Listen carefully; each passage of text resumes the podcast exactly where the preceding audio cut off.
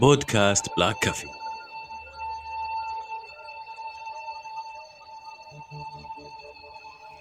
في البداية الملك الأسطوري سكارفيس أعظم قصة وبداية وسيطرة وحكم لحيوان على الإطلاق ملك بالفطرة.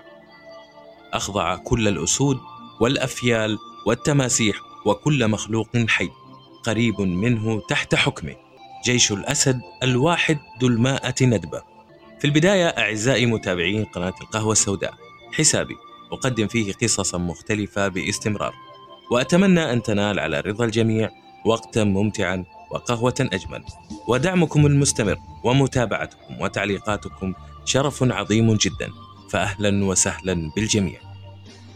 القوة، الشهرة، الحكم، السيطرة، الذرية، كل هذا امتلكه سكارفيس، أحد أعظم وأقوى أسد في التاريخ، الأسد الوحيد اللي ما قدر أي أسد ثاني يغلبه أسد يافع، في أي معركة يخوضها حتى آخر لحظة من عمره، عاش ملكا ومات ملكا. سكارفيس أسد من محمية مساي مارا الوطنية في كينيا، معروف بأنه الأسد الأكثر شهرة في العالم. اسم سكارفيس أطلق عليه بسبب ندبة فوق عينه اليمين. انصاب فيها نتيجة المداهمات مع إخوانه الأسود. كانت تخاف وتهاب منه تماسيح المستنقعات الضخمة في المحمية. سكارفيس في فترة حياته يقول خبراء الحياة البرية في كينيا بأنه قتل أكثر من 350 ضبع وكمان سيطر على مساحة 400 كيلو متر مربع سيطرة كاملة بالإضافة إلى 900 أسد بالغ كانوا تحت حكم وسيطرة سكارفيس داخل مساحة 400 كيلومتر مربع وعلى عكس الأسود الثانية. تركت الندبة على وجه سكارفيس أثر داخل نفوس ومحبي البرية على مستوى العالم. سكارفيس هو الأسد اللي يعكس شخصية سكار في فيلم سيمبا المعروف والشهير. زي ما قال المصور راندل بول في الحياة البرية الإفريقية طبعا وهو وأخوانه سيطروا على محمية مارا الوطنية خلال فترة حكمه كان هو الحاكم الفعلي لمنطقة كينيا وأوغندا أكثر بقاع الأرض شهرة بالأسود. حكمها لمدة 12 سنة وهي أطول فترة حكم في التاريخ.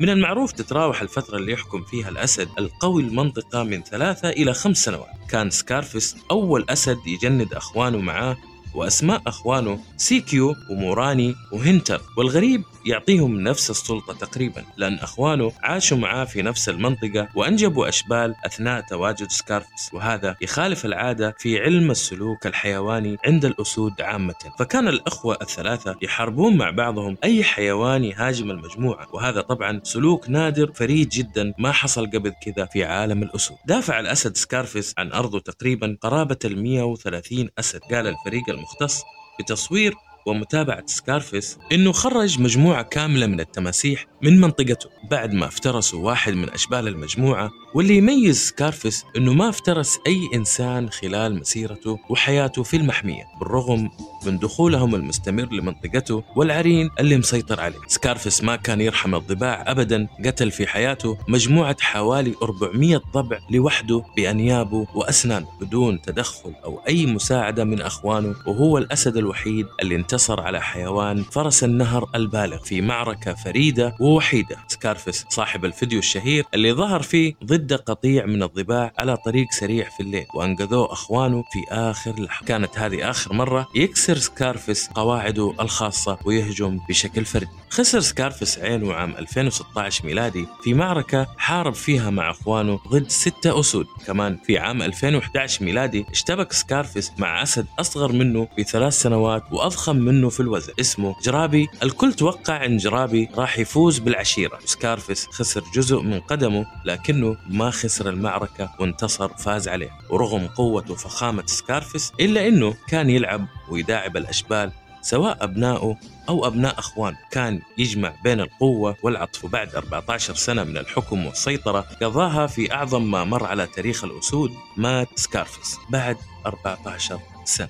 في 11 يونيو سنة 2021 ميلادي وهو العمر الأقصى للأسود طبعا حادثة موته أحدثت حالة تأثير كبيرة وسط اللي يتابعونه من رواد التواصل الاجتماعي. كان حراس المحمية شهود على موت وفي لحظاته الأخيرة تساقطت دموع كل المتواجدين وقتها على رحيل أعظم ملك في عالم الحيوان. وبعد وفاته زئير حزين من اللبوءات بالساعة 11 و30 دقيقة مساء وكذا رحل سكارفس بهدوء بعد حياة أسطورية حافلة سطرها التاريخ وشهد له كل العالم. تم تحنيط جسده وتم صنع تمثال خاص له وراح يبقى سكارفس أشهر أسد أفريقي في التاريخ بلا منازع بعد أن امتلك صفات الملوك كرمهم ونبالتهم. ملك لم تنزل رأسه لأي أسد وسمح لإخوانه بالحكم معه ولفظ أنفاسه الأخيرة بعد أن حصل على احترام وحب الجميع. يوجد تقرير جميل من قناة جوابك على اليوتيوب وكذلك الرائع والمتميز في تويتر في جمع أجمل الثريدات. الجميل تاكتو أنصحكم بمتابعته. أتمنى أن يكون ما قدمته نال على رضاكم ولأستمر أكثر. لا تنسون دعمي بالاشتراك والإعجاب والتعليقات الجميلة. كان معكم صالح بن عبد الله من قناة بودكاست Black Coffee. كونوا بخير في أمان الله.